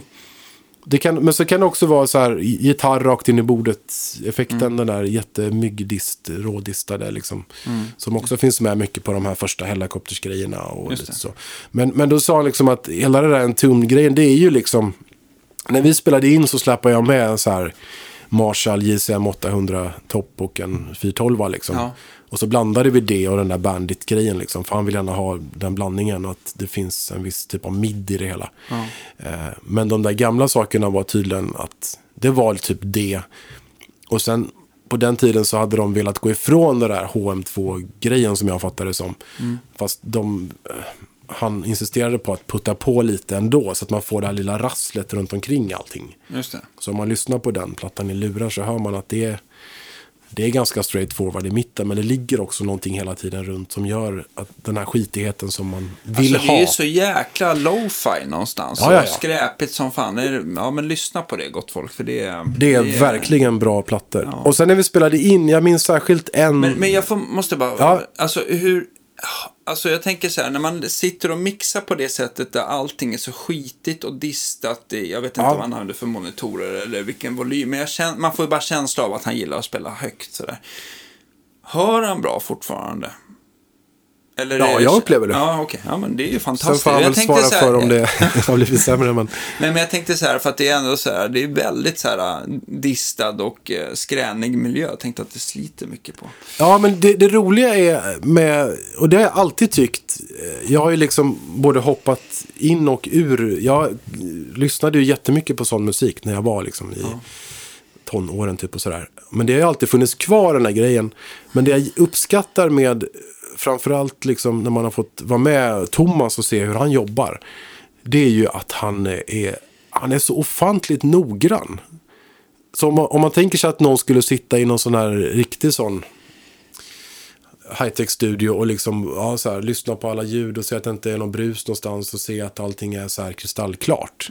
Han jobbar ju så, fast det är så här, ja, jag ska testa och vrida lite på det. Så kommer det. Alltså, så att han gör ju på samma sätt, det är bara att det, är- ljudbilden är en annan, men han är ju fullt lika noggrann med att det ska inte vara den där rundgången, det ska vara den typen av rundgång. Fan vad sugen jag blev på att spela in där också. Jag har Ja. massa riff. Se till om du be behöver no någon Ja, vi- vi- vi bildar gitarr. något gäng, Ja, ja. vi bildar ett gäng och åker dit. Eh, nu, lite. han har tydligen spelat in boppers här, sa han. Eh, så att det verkar vara som att han har... Det är ändå ganska brett om man Jag tänker det, så att han gör ju inte bara den där prylen, även om det är därifrån som han kommer. Liksom, Mm. så. Men det var en upplevelse att få spela in med honom och han är en väldigt, väldigt fin vän och otroligt bra så här. Han får en att våga testa det där liksom. Jag minns, minns att han sa någon gång att om du köper någon ny pedal sådär. Där du ska dra allt på fullt och se vad som händer. Och sen drar du, Backar du. ja, ungefär. Så att mycket för liksom att så här, Gör du så på alla basförstärkare också? nej. Nej. Jag bara bara Nej, men-. Nej, men så att det är lite så här rolig liksom ingång i att, ja men testa vad som händer då. Och det, ja, det är inte säkert, jag hade nog inte testat alla de här sakerna om inte han hade visat på de här olika överstyrt chorus och vad det är liksom med alla möjliga pedaler. Liksom. Man får ett visst sound. Eh, jag tänkte på, du är så himla bra på att släpa med dig eh, gamla fina eh, instrument och sådär. Och hur är duktig på att välja ut sådana.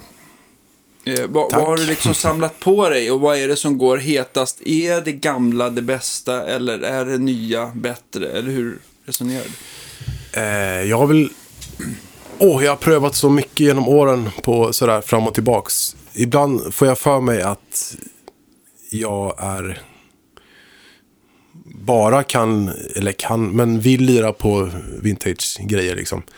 Eh, och andra stunder så tänker jag så här, ja men en sån där, vad det nu heter för stunden, American Pro någonting. Det kanske ändå är liksom, eh, sådär. Jag kanske tar mig runt på det. Men jag har liksom landat i att eh, jag lirar nog gärna på gamla saker. För, och det är mycket för själva känslan. Ja. Hur de känns att spela Ja, och det, att de kan vara liksom lite mm, olika. Eh, skulle man plocka ner en helt ny bas ifrån väggen idag så, så känns de ju oftast väldigt välgjorda och bra. Men det blir ju också... Det är lite för, i mitt tycke då i alla fall, Ja, det- lite för glättigt och lite för glansigt och lite för lite hårt i kanterna Ja, och sådär. lite så. Så att jag har väl landat i att, eh, ja, gärna gamla grejer och det är ju något lite sådär ändå charmigt med att det inte är precis perfekt överallt och det är lite... Ja, någon pott som inte liksom är, hänger med hela vägen. Alltså det, det finns no någonting som jag gillar i det här lilla... Det lilla motståndet i att ena dagen, dagen så, så känns det som att ja, men det lirar ju som tusan. Och så nästa dag, så, ja, men nu är det någonting som inte är helt sådär. Fast det, det Fast sit- ibland kan ju det också kännas som att det, det är någonting som sitter i en själv också. Sådär, att man bara har en, man har en bra och dålig Exakt, dag. jag skulle komma dit också. Det är ju så mycket psykologi i det hela. Ja. Det är ju liksom, hur har din dag i övrigt varit? Ja. Eh, Är du stressad eller är du lugn? Eller, alltså det sitter så mycket där också. Och så här, vilken lokal? Vad var det för stärkare som, vad var det för backline som fanns idag? Eh, det kan ju också spela in eh, till en viss del. Sen, som så många andra har sagt, så sitter det väl ändå någonstans i fingrar, liksom, vad du än spelar på. Så att, eh, men för, ja, för min del så har det funkat bäst med gamla instrument. Just det. Och eh, jag har väl främst då lirat på någon form av gammal P-bas. Just nu så har jag en, en 72 som du har skruvat på. Den är fantastiskt bra. Den låter som ett, när man slår ett så låter den som ett piano så här. Ett, Mm. liksom, nästan som man slår, man kan bara ta något så här, äh, typ ett D-dur uppe på halsen, tionde band eller någonting och sen så slår man an och sen så känner man nästan hur den bara, sustainen så här växer lite grann. Mm. Det är häftigt när basar gör så tycker jag. Ja, Eller alla instrument givetvis. Men, eh, men du brukar, du, du och Magnus Eugensson har varit de som varit, eh, jag tror generellt varit bäst på att plocka, hitta sådana där ex också. ja det är kul att höra. För ni, för ni brukar inte köpa vad som helst, utan ni är ju ganska picky ändå. Ja, alltså man testar ju runt och sen så lika mycket som man vill gå på feelingen av hur det faktiskt känns så ska jag väl villigt erkänna att jag är ju en liten sådär som man säger, jag kan vara lite petig med hur det ser ut också faktiskt. Eh, Det lå- låter ju som ett Mm. Ja, men ilandsproblem. men men, men det, på något sätt så tillför det någonting till att om, om jag ska liksom spela på mitt sätt och, och liksom eh, i den kanske genren där jag känner mig mest, alltså jag är ju, om man plockar ner allting så är jag ju en rockbasist i grund och botten liksom. Och, och då kommer man ju från att i den liksom i, i den estetiken så tillhör det kanske att det ska vara lite slitet och sådär. Just det, men, eh, Så- ja men självklart, men sen så, ränderna går ju aldrig ur riktigt va? Nej, Nej. det gör det inte faktiskt. Hur mycket man än försöker att vrida och vända på saker så. Men, men, men, ja. men jag tänkte också, du har ju ändå haft lite 60-talsbas här va? Eller är det mest 70-talet? Det är faktiskt, vänta nu ska vi tänka efter. Jag har nog faktiskt inte kommit längre ner hittills än 70-tal. 72, ja. Eh, 72, jag, möjligtvis... Nej, men det. Nej. Jag har ju liksom eh, köpt och, och, och sålt och sådär och så. Men... Nej, jag har faktiskt ännu inte... Sörjo är otroligt duktig på att välja ut eh, vintagebasar också. Det, Ja. Han får man inte glömma. På tal om en som har mycket kunskap och Ja. är väldigt trevlig att prata med. Så, ja, han har ju ett gäng basar som man inte skulle tacka nej till. Ja, men alltså det, det är ju... Jag vet att min vän Martin Tronsson, jag kommer ihåg när han sa att han hade köpt en eh, 68. Att det var liksom, det kändes att det var någonting annat med dem.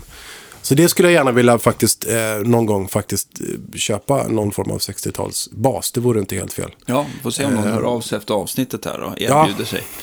Där, sen har jag ju en annan ny, eller ny, nygammal favorit. Ja. Som är en Gibson-bas. Just det, en sån Les Paul. Les Paul Triumph. Som, eh, den... eh, Åh, vad kul det är att spela in med den. Ja. Det låter så fantastiskt bra bara som den är. Liksom. Den har ju såna här uh, lågimpedansmickar och uh, massa möjlighet att koppla i ur fas och det ena med det andra. Så att den, ja, man kan få mycket ur den. Ja. Och det är också det här med att, visst, det här kan du, men någon sån här medium scale längd på själva. Liksom. Precis. Det gör ju också något annat med spelet. Eh, så ibland så har jag prövat att ha med den på liksom grejer där den kanske inte så här, på pappret skulle vara den bästa basen. Men bara för att testa vad som händer med mitt spel och i det sammanhanget. På någon rep eller sådär testat. Liksom. Och jag tycker den, den kanske inte passar till allt, men, men den har... Det brukar vara en sån här eh, ljudtekniker-favorit.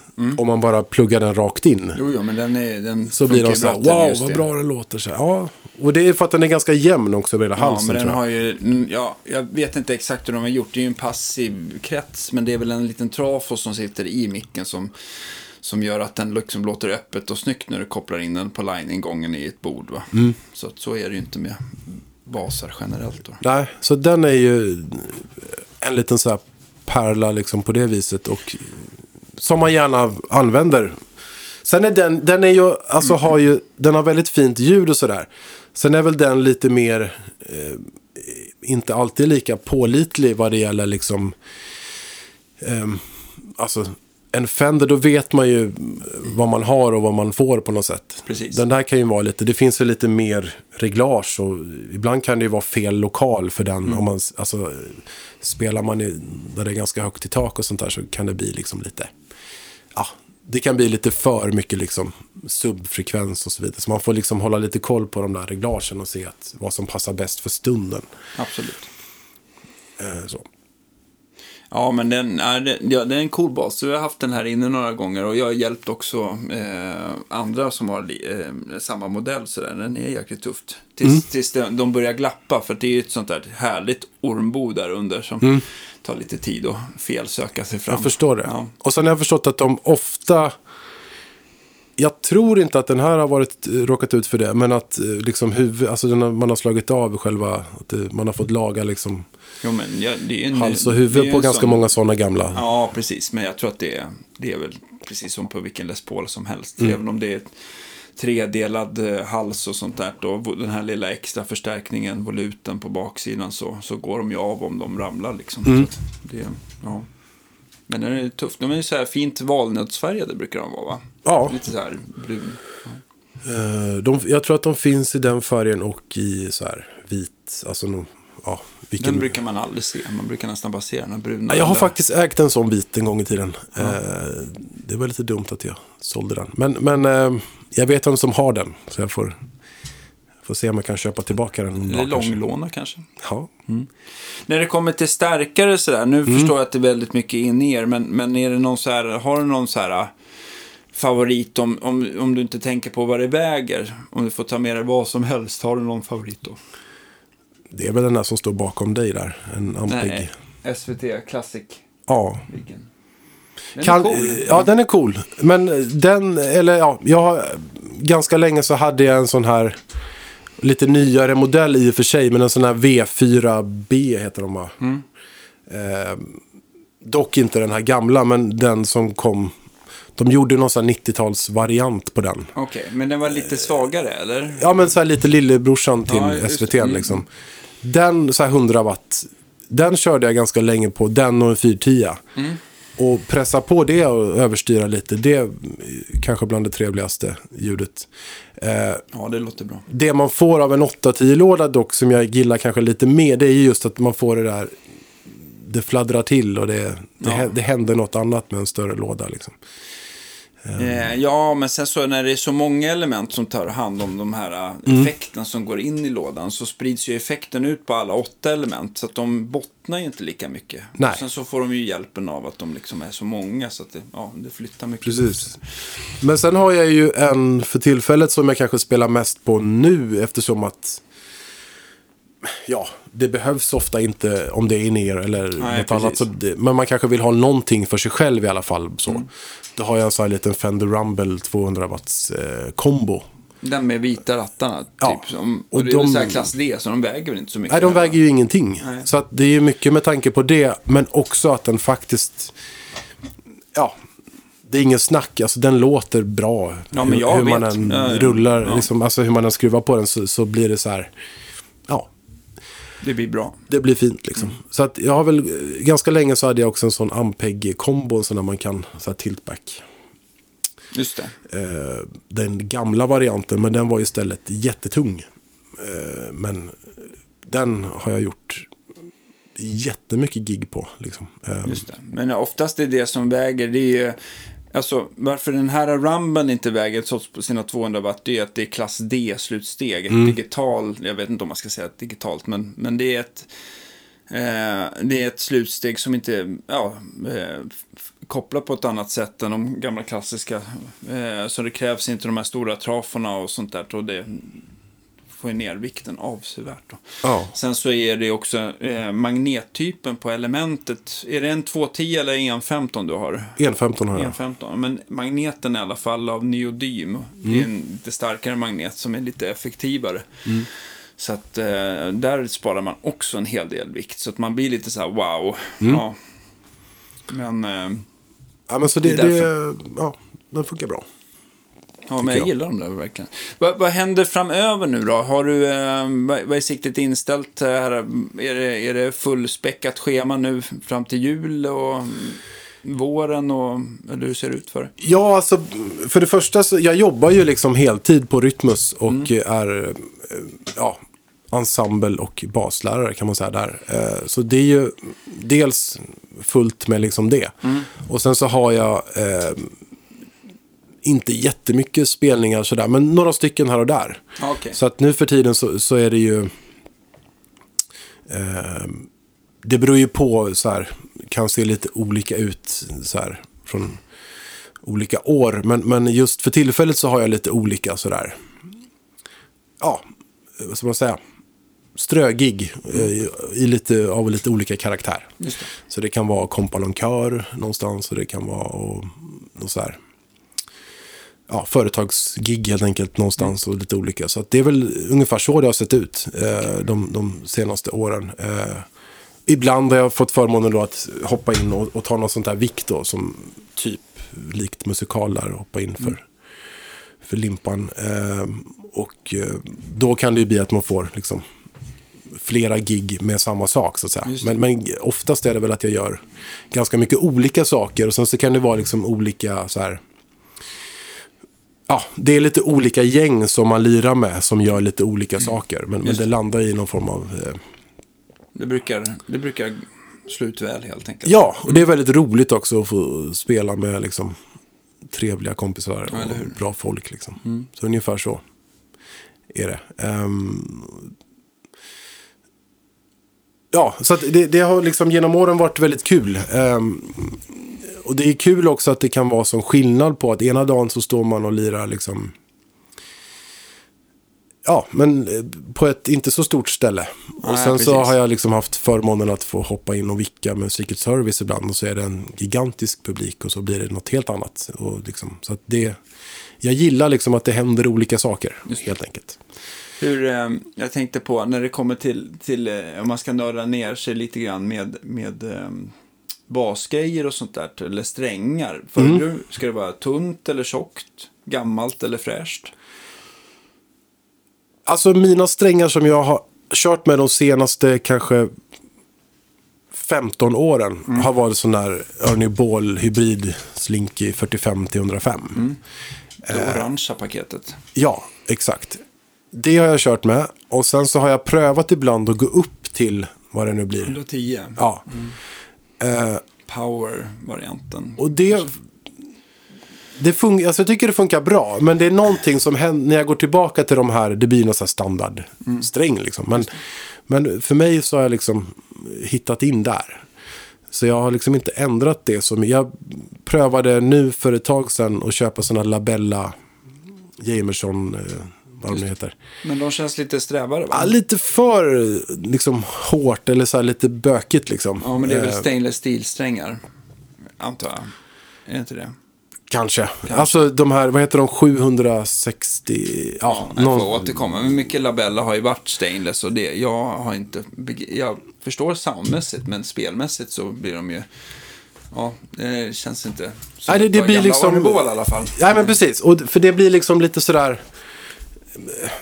Ja, men här, om man vill göra någon form av litet vibrato någonstans eller Mm. man gör någonting mer än att bara trycka dit tonen liksom. Så då känns de lite sådär mer... eh, Man får verkligen ta i.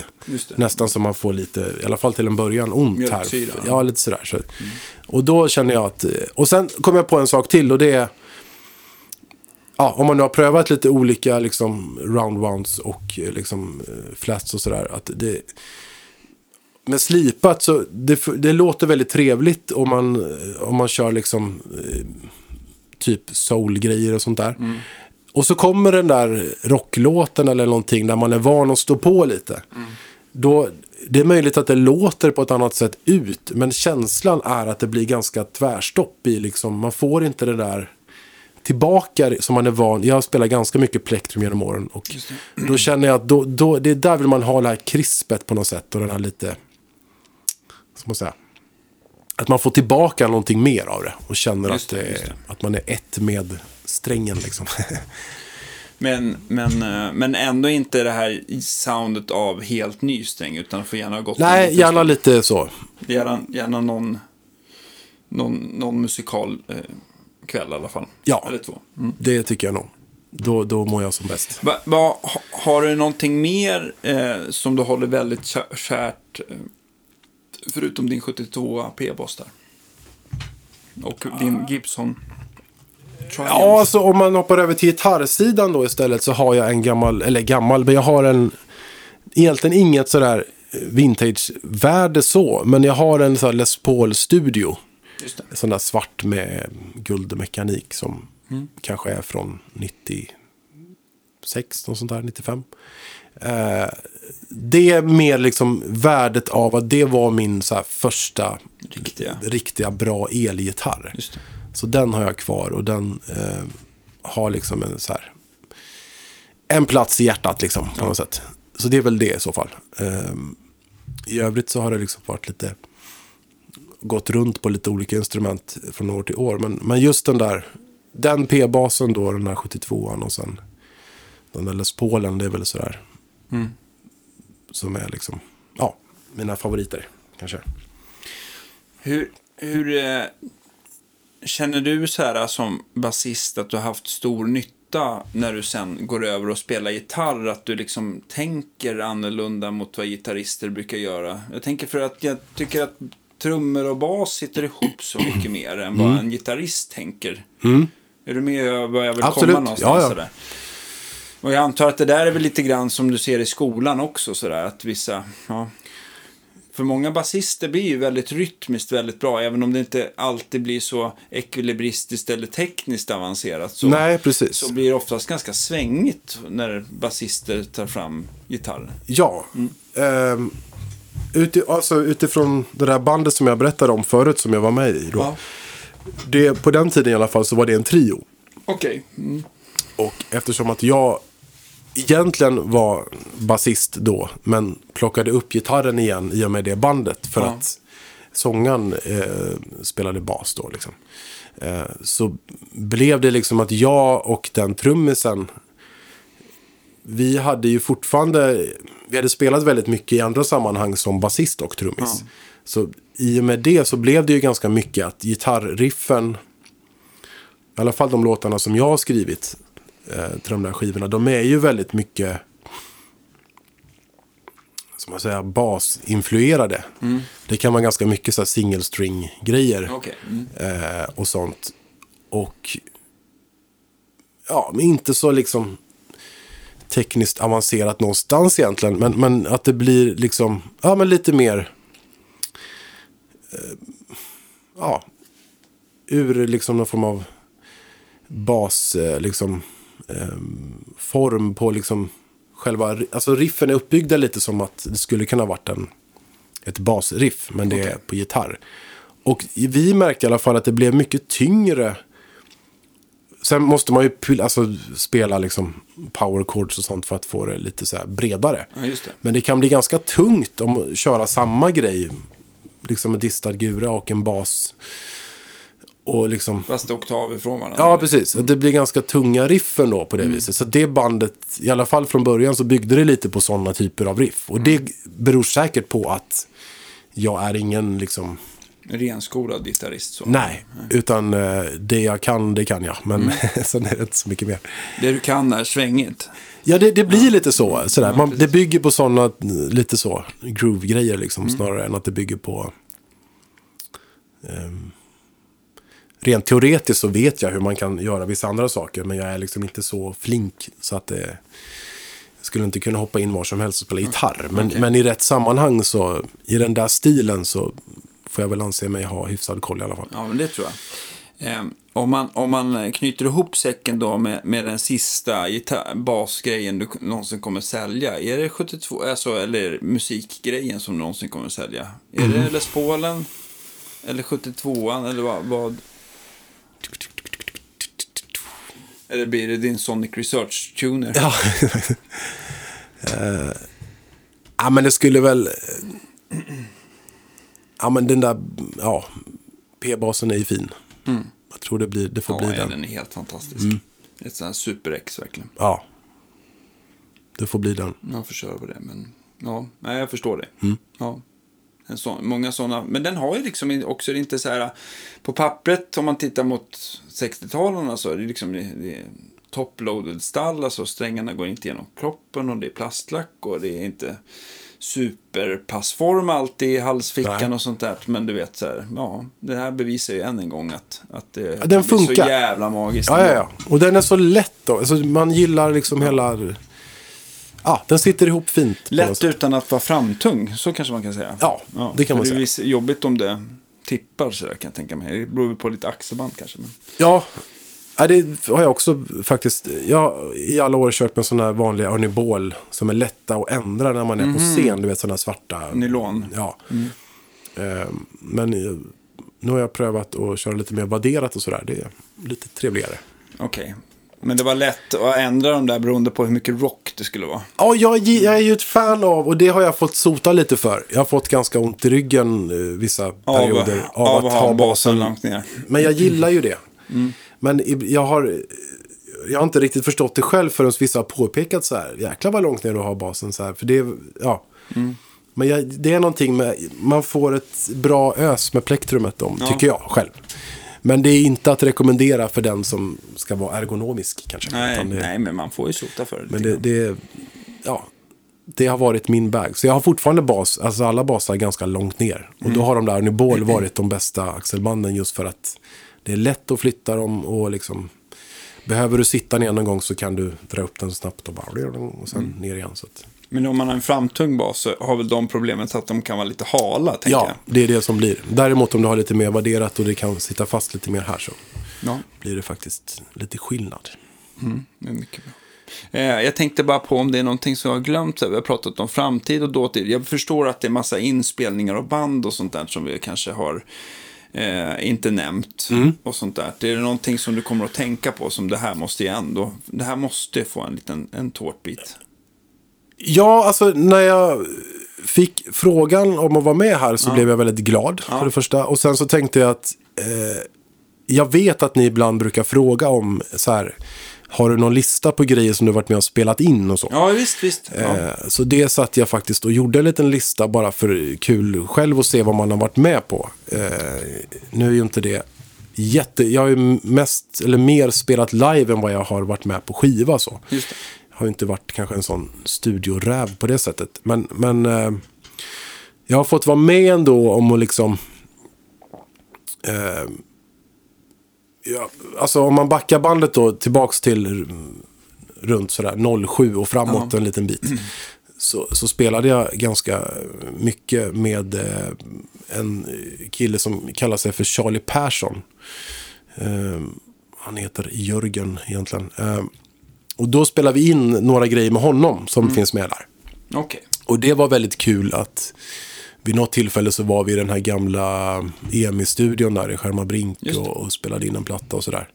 Och, eh, och det var liksom lite där ur det bandet eller genom honom och de som man spelar med då som man fick chansen. Och vi hade ganska, under några år så hade vi en grej så återkommande på Akkurat där vi mm, bjöd in eh, gästartister och Just sådär. det, och Stene där. Ja. Eller när han hade det i alla fall. Precis. Så, och då, då var det det bandet och så kunde det vara allt från Conny Blom till eh, Idde Schultz till Mm. alla möjliga som var där. Liksom. Och det var jättekul att få att spela med dem. Och, och liksom, framförallt att få spela ihop sig med ett sånt band. Och dels göra liksom, Charlie Persson-låtar.